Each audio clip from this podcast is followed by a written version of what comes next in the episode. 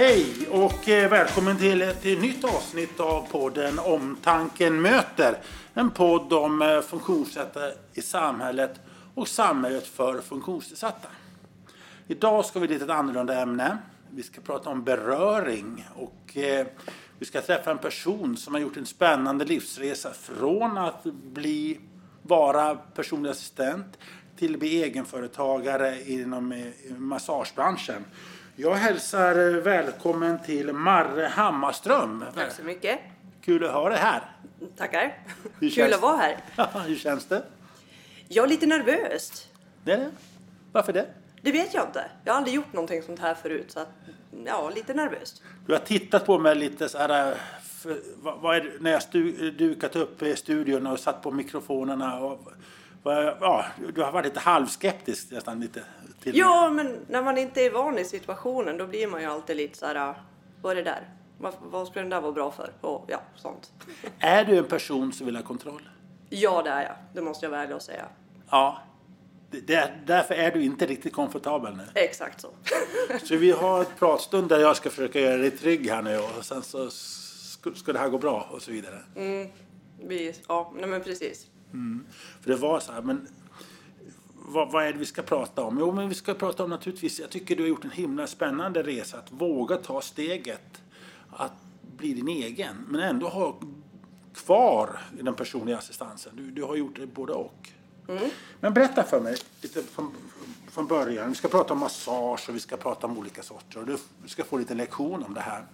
Men Marra Hammarström, vem är du? Var kommer du ifrån till exempel? Ja, eh, uppvuxen i Malung. Ehm, flyttade till Uppsala, läste konst. Eh, kom hit till Falun 2005. Eh, ja, vad ska jag mer säga då? Undersköterska, alltid jobba inom vården. Alltid. Mm, Det är väl det man vill göra.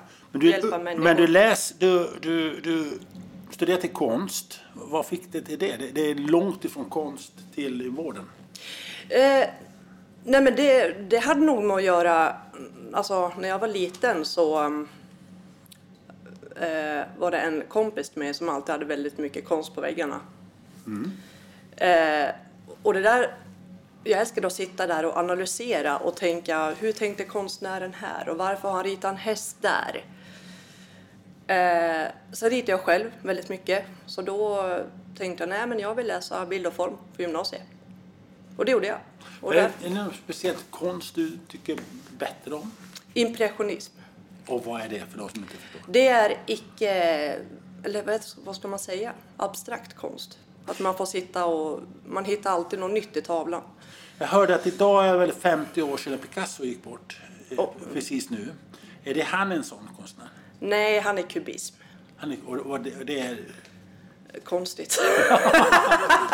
Måste jag säga. Nej men eh, Jackson Pollock tar vi som exempel. Ja. Han eh, alltså, slängde bara dit massa prickar och färg på en tavla. Och sen eh, ja, men så fick man liksom sitta där och betrakta. Och en del ser till exempel en kvinna som går med ett paraply i regn. Alla, någon annan ser en sommaräng. Och det är sånt som jag tycker är kul. Som jag då tycker Carl Larsson, Andersson eller, eller vet du, han som målar vackra djur. eh, Mm. Är jag tråkig då? Nej, inte alls. Nej, för jag tycker det är fint att kunna gå och se på Nationalmuseet och titta på de här riktiga, de här gamla, eh, kanske porträtten eller de gamla landskapsmålerierna och så vidare.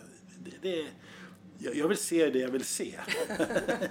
Moderna museet har jag lite svårt för. Är det- Ja, och jag är tvärtom. Det är det? Ja, nej men alltså det är ju så här, ja men ta Andy Warhol tar vi.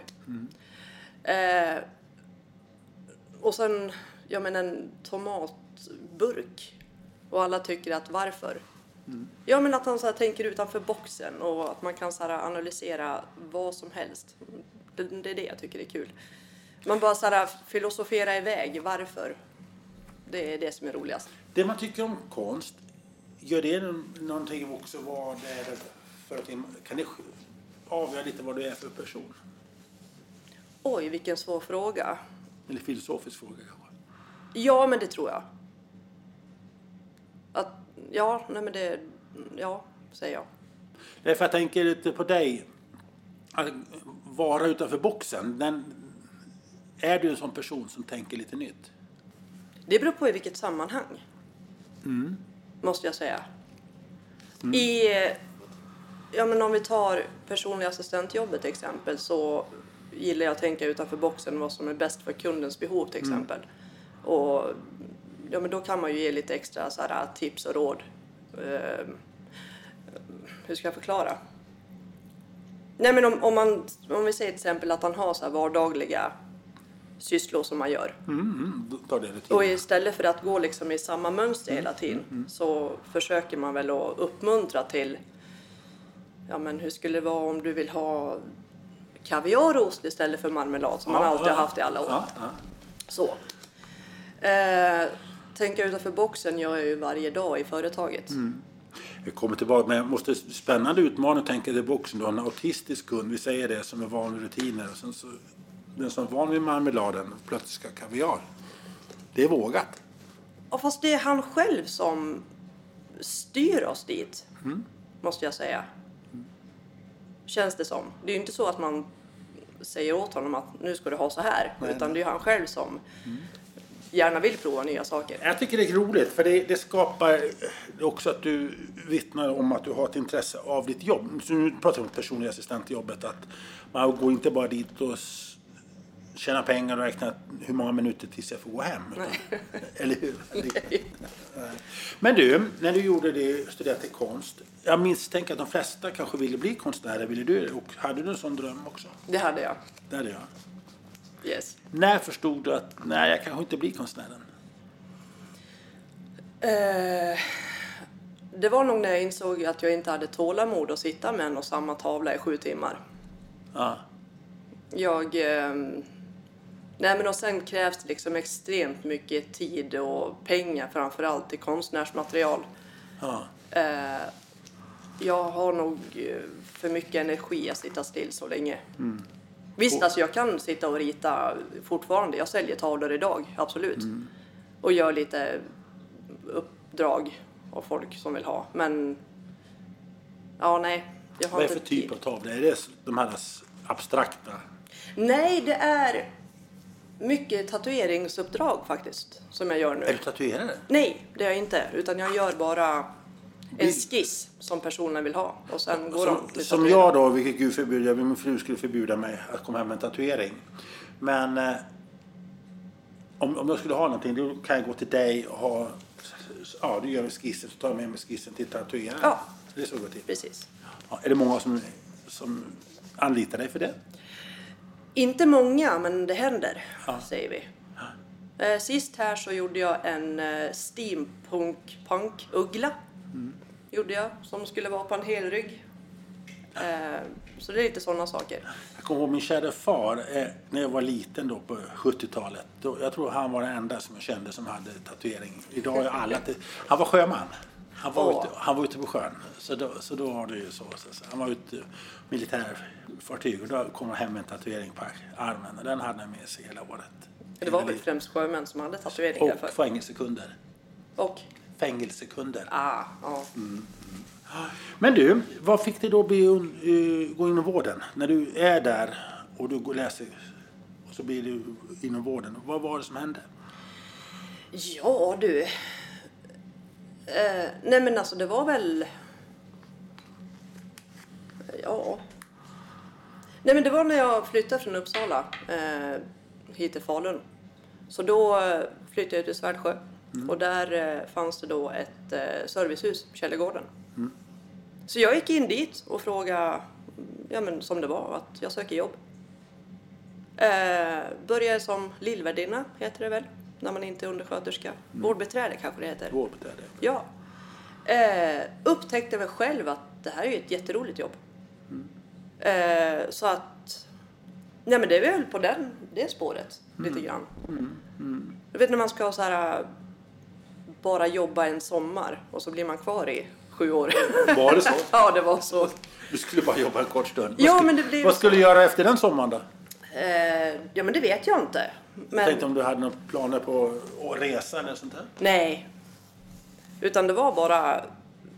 jobba ihop en liten buffert för att få tag på en egen lägenhet. Det var väl där skon var. Men det utbildade du sen till undersköterska? Ja, jag eh, började jobba inom hemtjänsten fem år senare och var i hemtjänsten i nio år istället.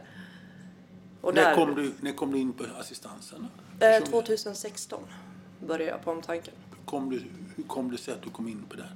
Det var en kompis till mig som har varit kund mm. eh, omtanken länge. Som varit kund alltså? Ja, mm. precis. Och hon eh, frågade mig helt enkelt om jag ville bli hennes personliga assistent. Eh, och nej, men jag tänkte vi måste väl prova. så på den vägen var det. Så jag var hennes assistent i några år. Tyckte det var jätteroligt och det var ju en sån eh, ändring från att ha nio kunder på en dag till en kund. Så då ringde jag till Sofie, VD. Sofie Åkesson? Ja, precis. Hon var VD då redan? Ja, det var hon väl. Ja. Mm. Så jag sa det att hej, jag heter Marre, anställ mig, du kommer inte ångra dig. Och det gjorde hon. Hon har inte ångrat sig? Det hoppas jag inte. Men hur är det att vara personassistent till en kompis? Det är tufft. Mm, misstänker det. Det är väldigt tufft. Eh, jag och den här personen hade ju inte varit vänner så länge. Så vi var ju... Vi försökte ju vara ärliga mot varandra, men vi var ju väldigt så artiga, väldigt... Eh... Ja, men det, det kändes ibland lite grann som att hon eh, inte vågade fråga mig många mm. gånger mm. av allt hon ville att jag skulle göra. Ja. Och jag gjorde... Jag ville ju göra ett bra jobb. Så att man gjorde väl saker som man egentligen inte skulle göra. Och jag tror att ni, det är en extra utmaning tror jag att vara just till sin vän, till sin kompis? Ja, det, det är det. Är det någonting du avråder andra från att bli, just till kompisen? Oj. Både ja och nej. Mm. Måste jag säga. Alltså när, när det kom till sån här, kan man säga, hjälp vid dusch till mm. exempel. Mm. Så kanske det kändes lite konstigt. Mm. Jag förstår vad du menar. Men det är ju en fas man måste arbeta igenom. Jag menar, vi mm. var nya som assistent och kund liksom, så det fick man ju väl arbeta sig igenom. Mm. Man fick ju lära sig. Mm. Var, jäm, var hon jämnårig? Nej, hon är äldre än mig. Men du, att vi var assistent och undersköterska. Du kom från jobbet som undersköterska. Mm. Hur upplevde du den förändringen? Ganska stor. Uh, eller hur menar du? Ja, att eh, förändringen. Alltså, det är olika typer av jobb men ändå liknande jobb. Att vara undersköterska och personlig assistent. Det är lite annorlunda. Är det, eller är det annorlunda att vara undersköterska och personlig assistent? Ja, ja, vi tar som exempel min förra kund som jag var hos. Han hade ju ganska stort omvårdnadsbehov om mm. man säger så. Mm. Och det var väldigt mycket sjukvård där. Mm. Och inom hemtjänsten så fick man kanske göra lite mer saker själv. Man fick lägga om ben till exempel mm. och man fick eh, göra lättare omläggningar. Mm. När man kommer inom eh, personlig assistent så har ju kunderna falu hemsjukvård till exempel. Mm. Vilket gjorde att mina kunskaper, jag fick ju inte gå över falu hemsjukvård. Nej. Och vissa gånger så måste man väl erkänna att ja men de kom en tips och råd hur man skulle göra. Mm. Men jag ansåg att jag vill göra så här istället. Mm. Mm. Det var det som var lite jobbigt. Mm. Mm. Är det friare att vara personlig assistent? Mycket. Mm. Är det roligare? Ja. Varför det? Eh, roligare eh, för att nu har du liksom all fokus på en kund. Eh, den här stressen som man hade över sig när Falu kommun fick in de här telefonerna till exempel. Mm. Så skulle man ja, men, plinga in sig hos en kund och ha tio minuter där. Och då skulle du liksom hinna vara ja, med social, bädda säng, du skulle göra frukost på tio minuter. Och det, det gick ju, men man gjorde ju liksom inte ett bra jobb. Det mm. blev ju så opersonligt. Men du, efter en dag som personlig assistent, eh, hur, en bra dag, hur har den sett ut? Uh, oj. Uh, Nej men det, det är väl när eh, både kunden och du känner att eh, det har varit en bra dag. Eh, när... Nej men om, om vi säger så här, om eh, din kund till exempel har sagt länge att den vill åka till Nypskär till exempel. Men det har inte gått av olika mm, situationer. Och sen eh, lyckas du ja, men göra så att den här personen kan komma till Nypeskär. Det är en bra dag. Vad är en dålig dag? Eh, Det är att du försöker ditt bästa men ändå så eh, har du inte, hur ska jag säga? När kunden till exempel är deprimerad av olika situa- sammanhang, situationer och han vill jättegärna till exempel åka och simma. Men av olika sammanhang så kan du inte göra det och du kan liksom inte lösa hans, eh, du kan inte lösa situationen som gör att han kan åka och simma. Det är en dålig dag. Och det måste man nog vara extra noga och lyssna av och läsa av sinnesstämningen hos kunden. Är det här, hur mår kunden idag mentalt? Ja. Precis. Och sen är det en dålig dag när kunden eh, kommer till dig och berättar någonting i förtroende och du, han ber lite grann om hjälp. Men det är saker som inte du kan eh, hjälpa till med. Nej. När du är maktlös. Det är jobbigt. Och det går väl en gräns. Det är bara ödmjukhetsreflektioner du berättar så. Att det är väl fint att ni har den relationen, du och kunden. Att kunden kan komma till dig och berätta en sak i förtroende. Men frustrationen att inte kunna hjälpa. Ja, ja men precis. När det handlar liksom om tystnadsplikt och ja, men allt sånt där. Det är lite jobbigt. Ja, ja. Sen går några åren och så börjar du titta på massagehållet. Ja, Hur gick det där till? oj. Eh, det är nog sen gymnasietiden. Eh, jag gick estetiska, uppenbarligen, bild och form. Men I jag Malung? Vad sa du? I Malung? Nej, i Vansbro. Vansbro? Mm. Ja. Eh, där gick jag estetiska. Eh, dans, musik, teater. Och eh, där hade vi mycket sådana här eh, tillitsövningar. Vi skulle helt enkelt eh, ta på varandra, det låter ju det ju. Men vi skulle helt enkelt massera varandra.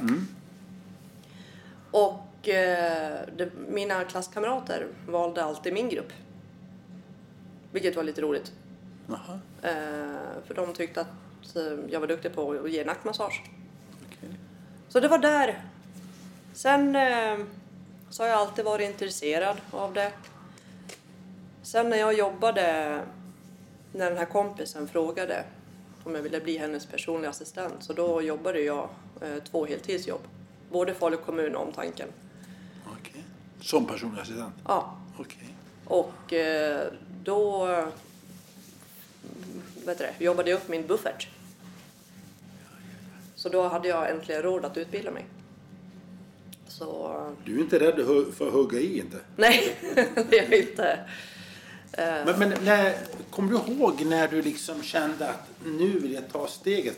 Du måste väl utbilda dig först? Eller Mm. när du började utbilda dig, hade du då bestämt dig för att nu ska jag starta eget? Eh, Steget till att starta, starta eget. Ja, Nej, det kom kanske året efter. det gör det. Utan först då hade jag en hobbyverksamhet. Eh, och eh, ja, men provade mig fram och kollade om det verkligen var så roligt som jag hade hoppats på. Ehm, så att jag, eh, jag pluggade på nätterna när jag jobbade som assistent. Jag jobbade natt då och min kund sov. Så då pluggade jag eh, teorin och sen jobbade jag på dagarna inom hobbyverksamheten och masserade folk.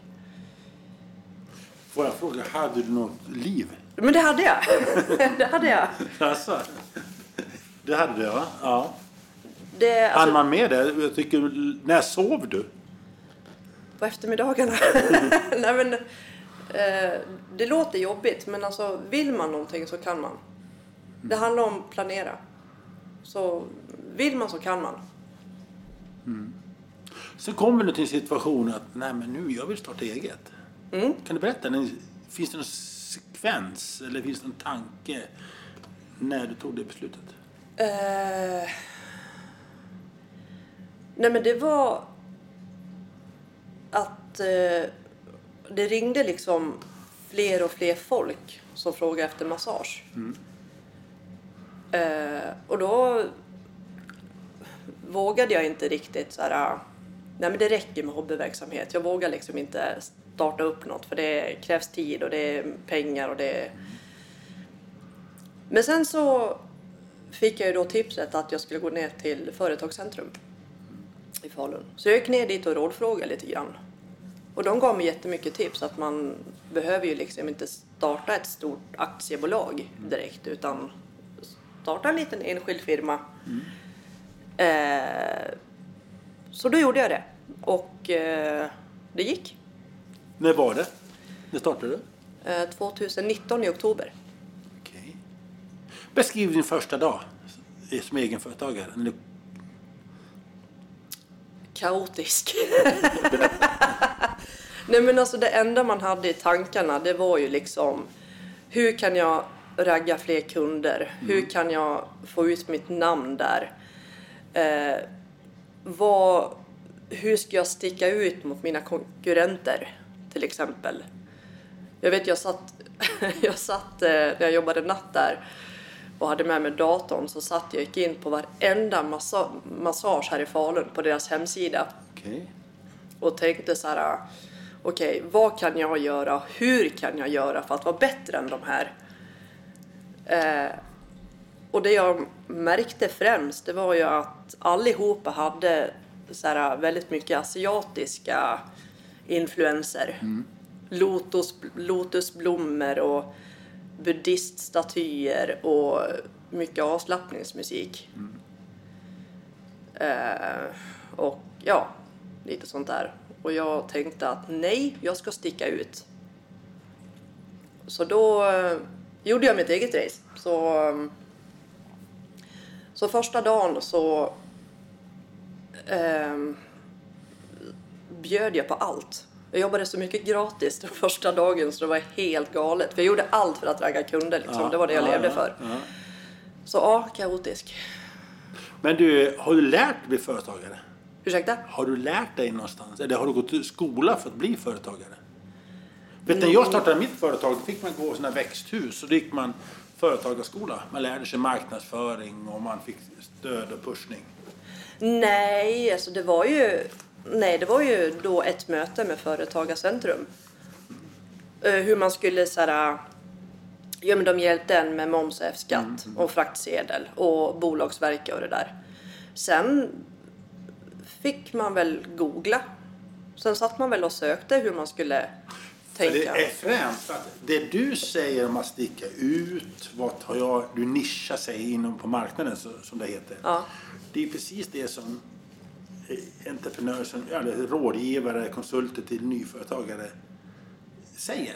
Att du måste nischa dig på marknaden, du måste tala om var finns du och så vidare. Det är det du tänkte på själv alltså. Nej, nej, alltså man sökte ju som sagt. Det finns ju jättemycket hjälpmedel på, på nätet.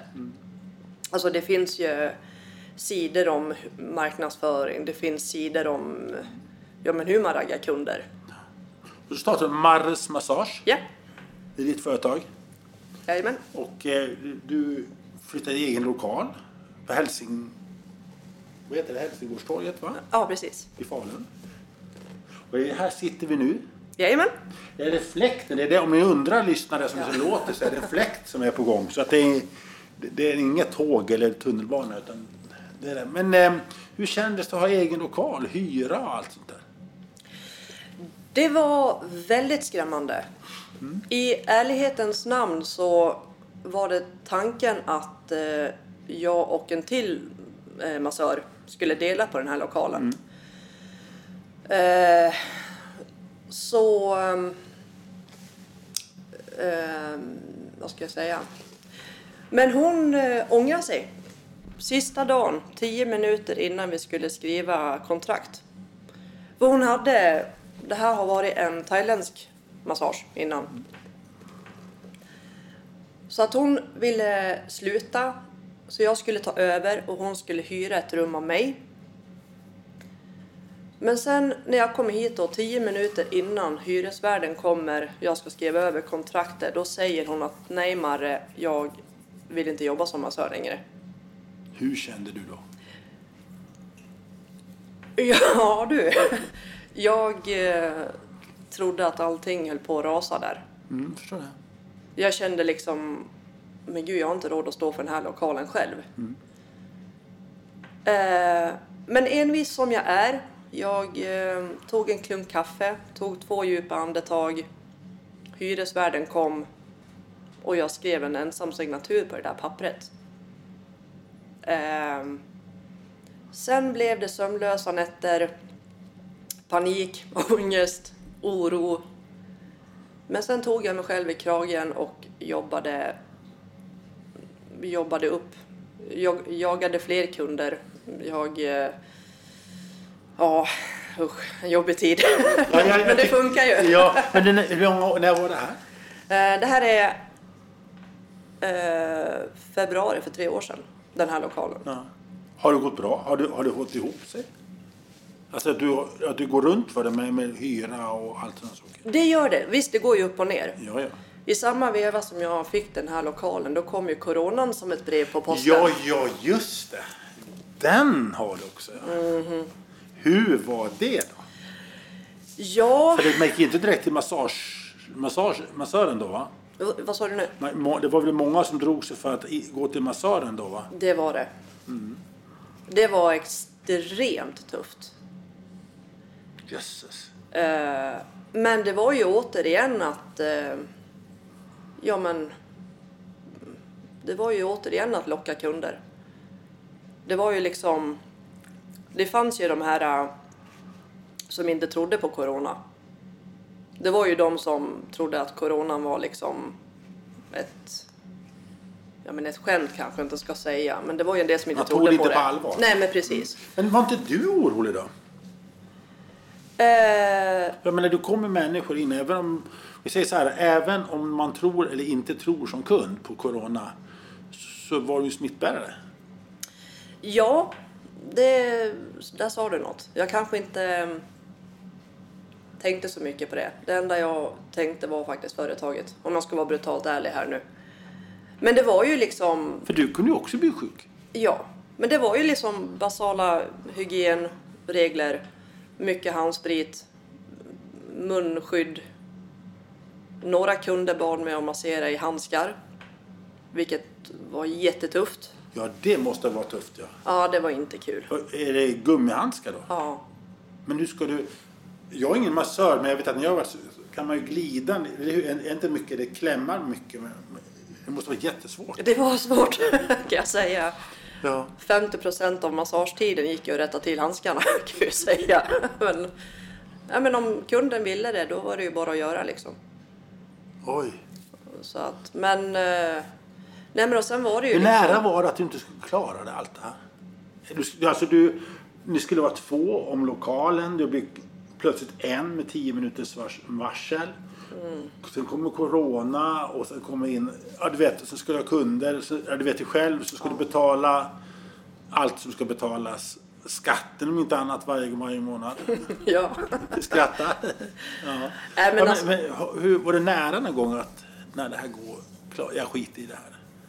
det, det var jag, ska jag Ja. säga. Det, jag måste väl säga att jag bröt nog ihop fler än en gång. Vem fångade när du bröt ihop? Ingo, eller min man, din man? Ja. Ja. Eh, sen, alltså, när det var som värst, coronan, det var företaget, man jobbade väldigt mycket som pers- personlig assistent också, som att det var ju liksom... Nej, det var tufft. Det var väldigt tufft. För jag kommer ihåg, jag, när jag var journalist då, så det är faktiskt i sommar 20 år sedan exakt. Då, då slutade jag och tänkte, jag, blir, jag startar mitt företag. Och sen, jag hade inte en, jag hade fru, tre barn, villa, Volvo, hund, hela paketet. Och just Volvo också. Men jag hade inte en enda kund när jag började.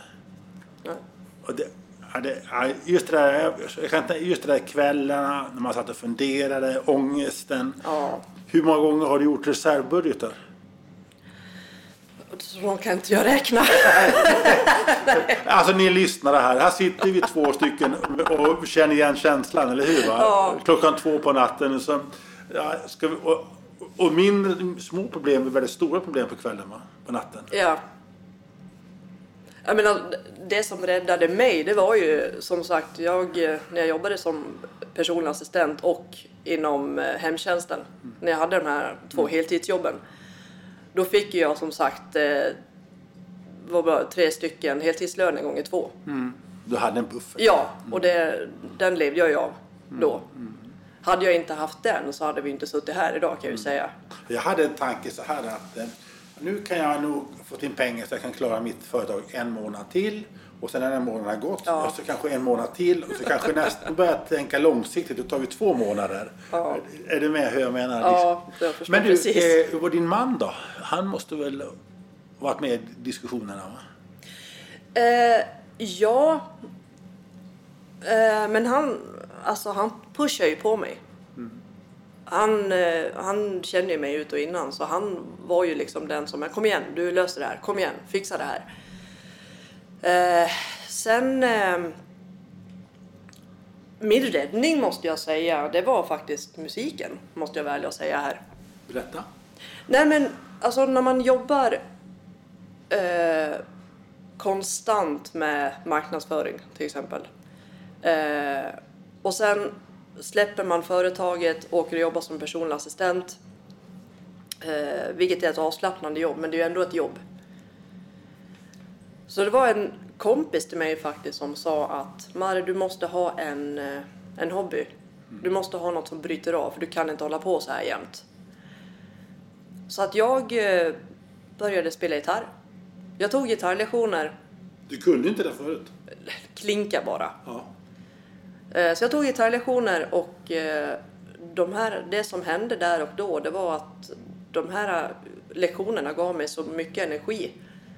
Positiv energi. Ja, positiv energi. Ehm, Så att när jag hade haft den här lektionen, satt och klinkade lite grann, kände kreativet flöda, då började mina tankar snurra lite grann. Så jag fick alltid upp nya idéer hur jag kunde ragga in fler kunder till Är exempel. det därför det står några gitarrer här? Jajamän! Jag tänkte liksom, vad är det här för gitarrer liksom? Nej, jag tänkte liksom, kommer jag fel först? Nej, det där är när jag har en dålig dag, då sitter jag i soffan och spelar gitarr. Vad spelar du för musik då? Allt möjligt. Eh, Alltså Bruce Springsteen vill ha en av de där märkena. nej, ingen Bruce Springsteen. Nej, men han märker, jag säger, han vill ha en sån gitarr. Ja, det är en Holly Benton. Ja, jo, det är jag, jag ser att den har, det liknar den gitarren han brukar spela på. Jajamän, Ja. en Fender. Ja, en Fender, Fender Fender, ja. ja det, det är det jag menar, det är den nere. Men du spelar ingenting om honom? Nja, det är väl något riff kanske som kan Ja. vara lite roligt. Nej, för jag kände igen gitarr. Jag kan ingenting om musik? Nej, men, okej. men jag kan mycket om Bruce Springsteen. Men jag kände igen det. Men du, eh, vi går tillbaka till det hela. Ja. Kommer du ihåg den moment där du kände Marre, jag fixar det här. Det här kommer gå bra. Min, min massageföretag kommer bära sig. Jag kommer fixa det här. Kommer du ihåg någon, just den stunden?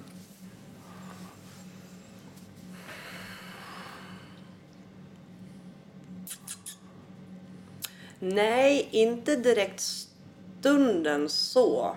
Men det var nog runt mars-april förra året. För 20, 2022. Ja, Vad hände då? Vad var det som gjorde att du började tro?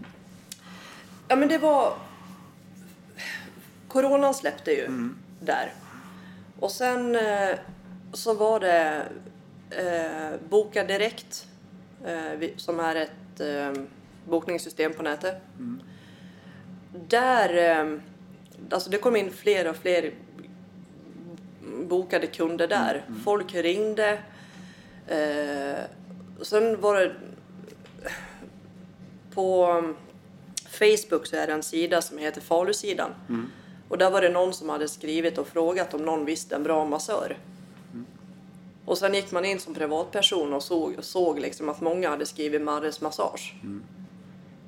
Den känslan, det kommer jag ihåg när jag läste att det var wow, fan det är ju jag.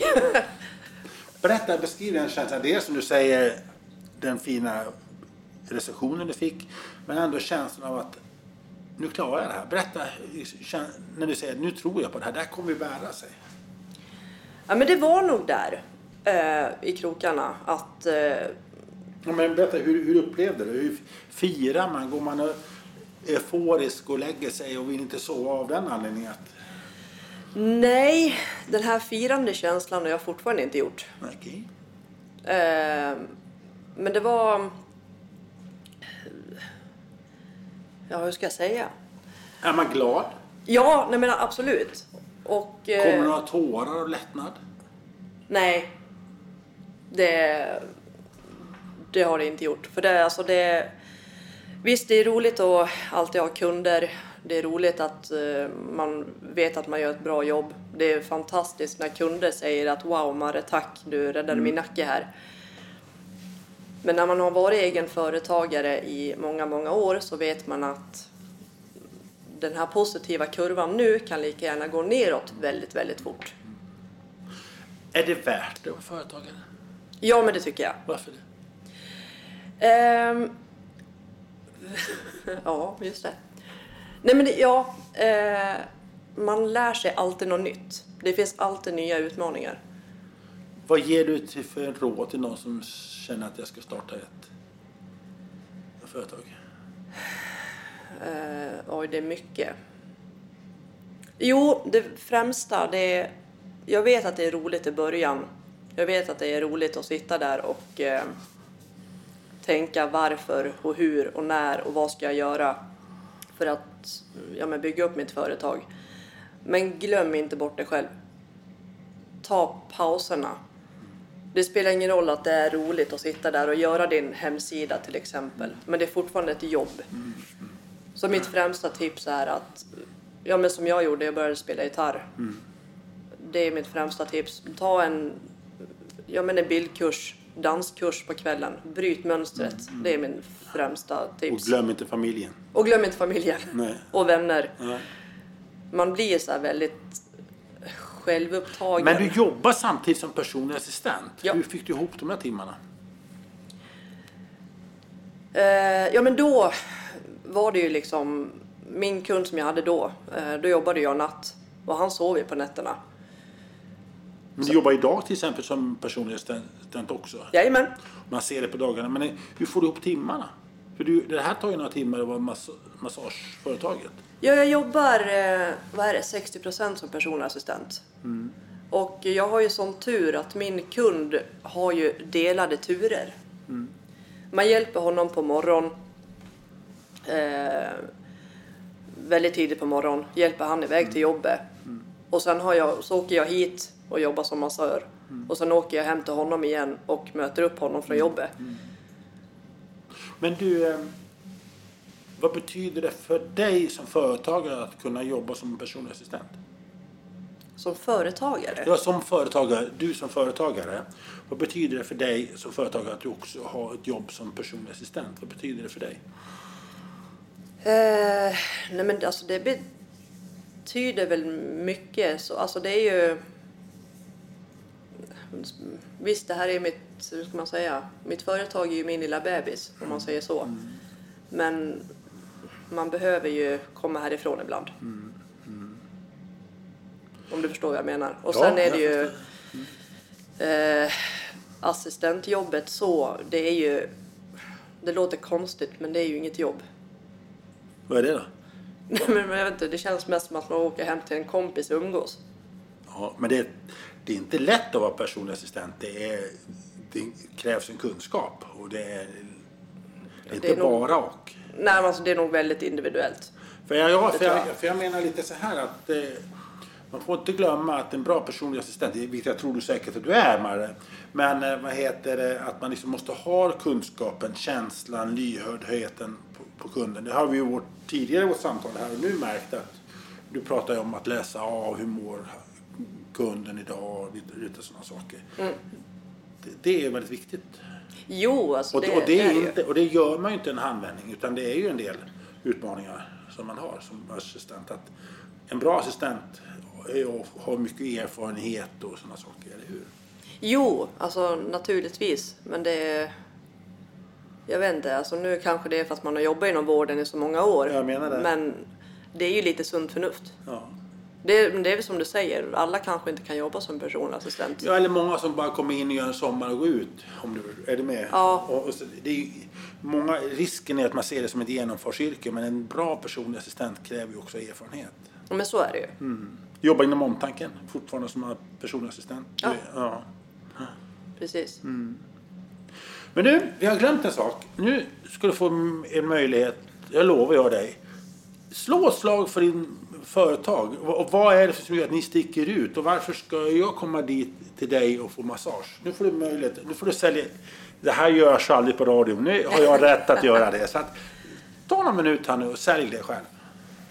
Ja. Nej men eh, det främsta med Marres massage det är att jag är, som vi pratade om tidigare, väldigt, väldigt lyhörd. Eh, jag har jättemånga kunder som har kommit till mig och eh, sagt till exempel att eh, de har ont i nacken. Klassiskt exempel. Och de har varit hos andra massörer. Eh, nu ska inte jag klanka ner på mina kollegor här, inte på något vis. Men då har de här massörerna enbart då masserat nacken på dem. Istället för att ta reda på orsaken till ont i nacken. Ehm, och sen eh, så har många kunder berättat att eh, det spelar liksom ingen roll om de kommer dit och säger att jag har ont i högra axel, jag har ont i svanken, så har eh, massören gjort sitt eget race, sitt eget schema hela tiden. Jag ställer då bakomliggande frågor. Ja, men vad gjorde du när du kände av den här nackbesväret till exempel? Och eh, försöker leta reda på eh, grunden till det hela. Eh, och det är många kunder som säger till mig också att jag är en av få som gör det. Och det är väldigt, väldigt roligt. Är det det som gör att du sticker ut, tycker du? Nej, det som gör att jag sticker ut mest det är nog att jag misstolkar mig rätt, men att jag är... ehm, jag är mig själv. För du, du sa tidigare i samtalet att du såg alla massage, du gick igenom alla massageföretagen. Ja, men, Och, och sen så sa hur- jag måste göra någonting som sticker ut. ja, precis. Alltså, det var som... Alla massörer har sin speciella stil. Det är som sagt väldigt mycket asiatiskt eh, dekorationer och väldigt mycket avslappning. Jag har som sagt musiktema. På mina väggar har jag väldigt mycket rockartister. Jag har gitarrer i lobbyn. När jag jobbar själv så har jag mina normala kläder, vilket är oftast jeans och en bandtröja.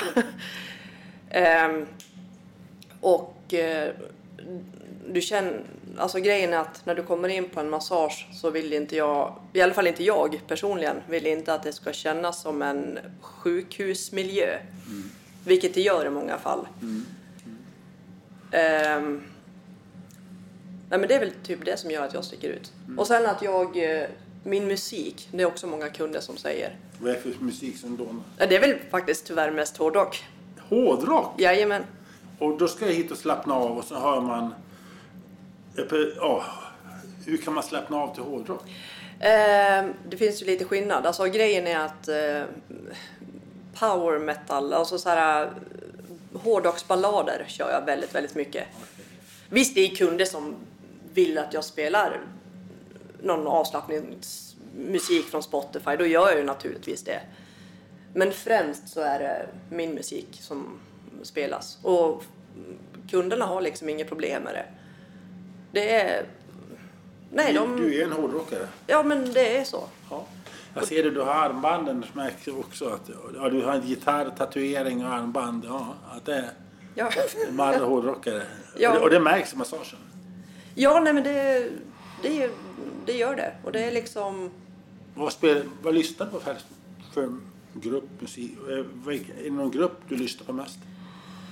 Nej, alltså det är väl 80-tals metal. Alltså klassiska. Alltså favoriten har alltid varit Metallica. Kommer alltid att vara. Har alltid varit. Mina söner som du vet har assistans, de, de tycker om headbanga till hårdrock. Ja, nej, men det, det är bra. När jag pratade med dig tidigare för ett tag sedan, när du började här, du pratade om taktil massage. Ja, Vad är det för någonting?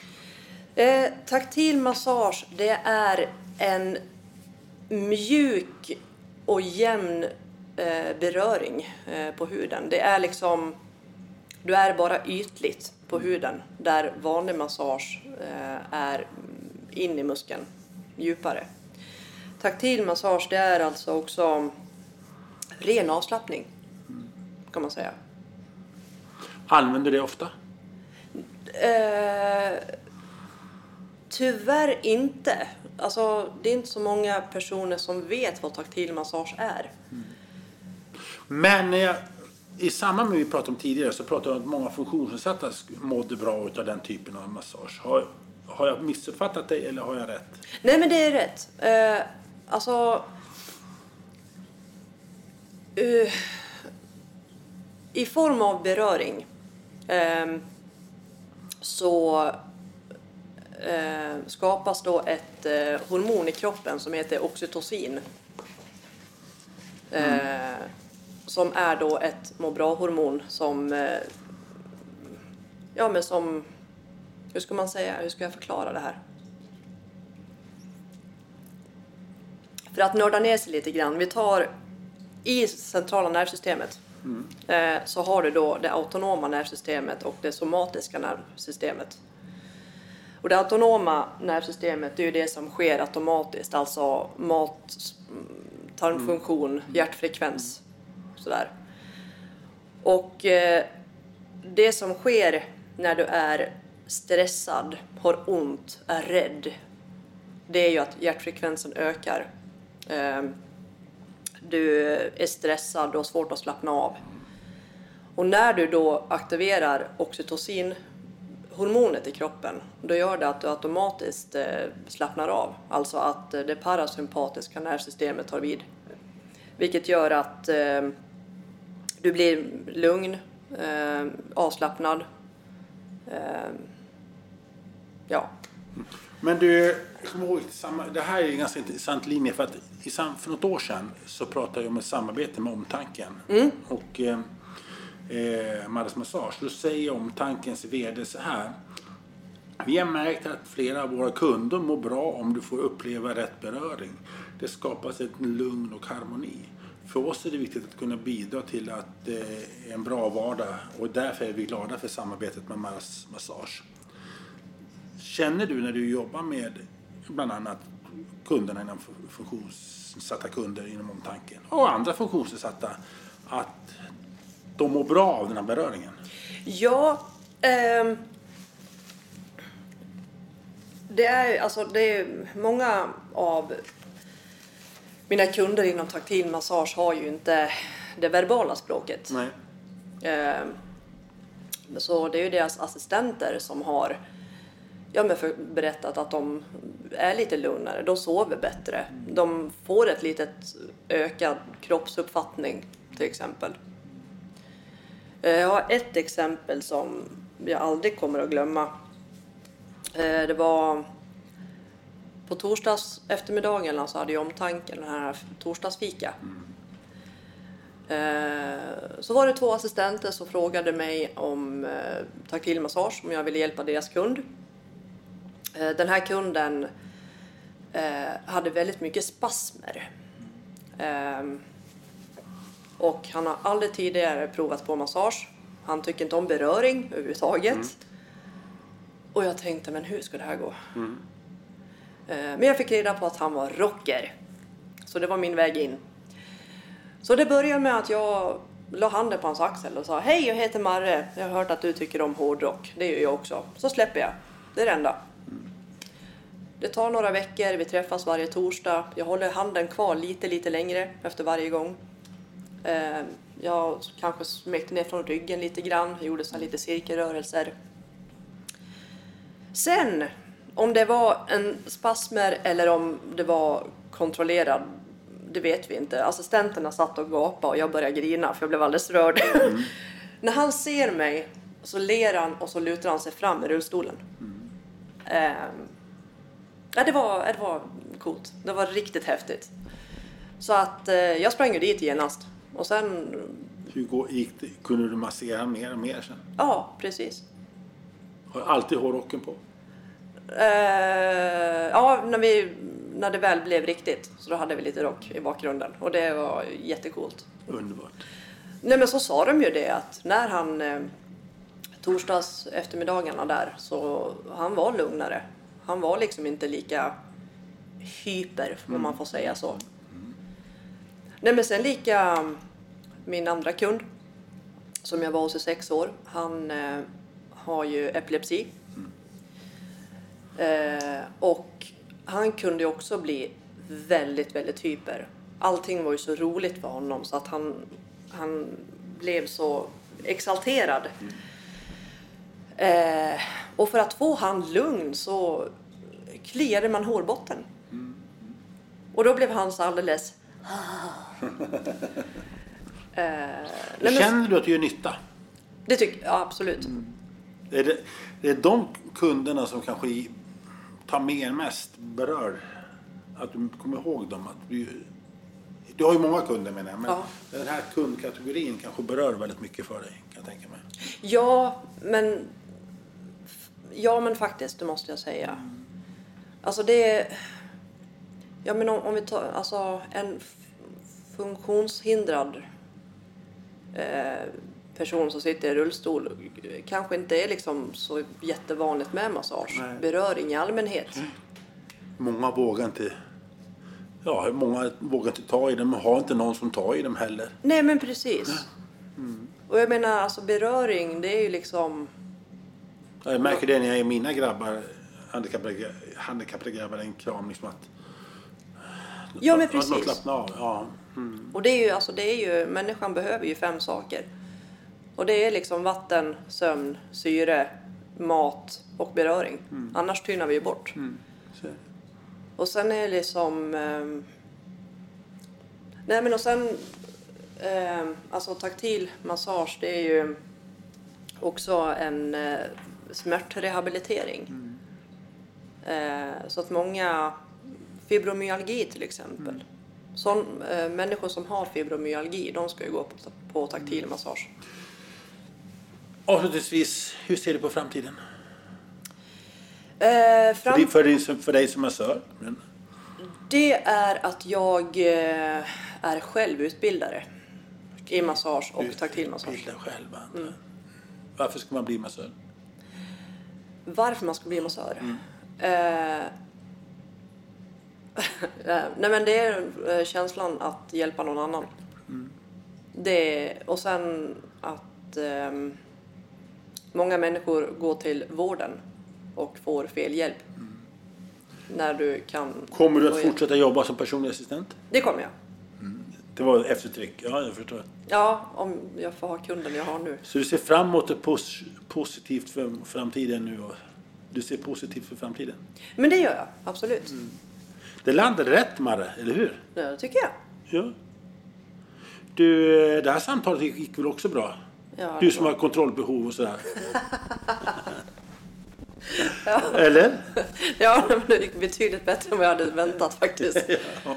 Du, eh, jag önskar lycka till i framtiden. Det var ett väldigt positivt avslut. Eh, och eh, tack för att du vill komma hit. Men tack så mycket. Och tack alla lyssnare för att ni har lyssnat. Hoppas att ni har fått eh, inspiration och massage och förstår hur viktigt det är med beröring.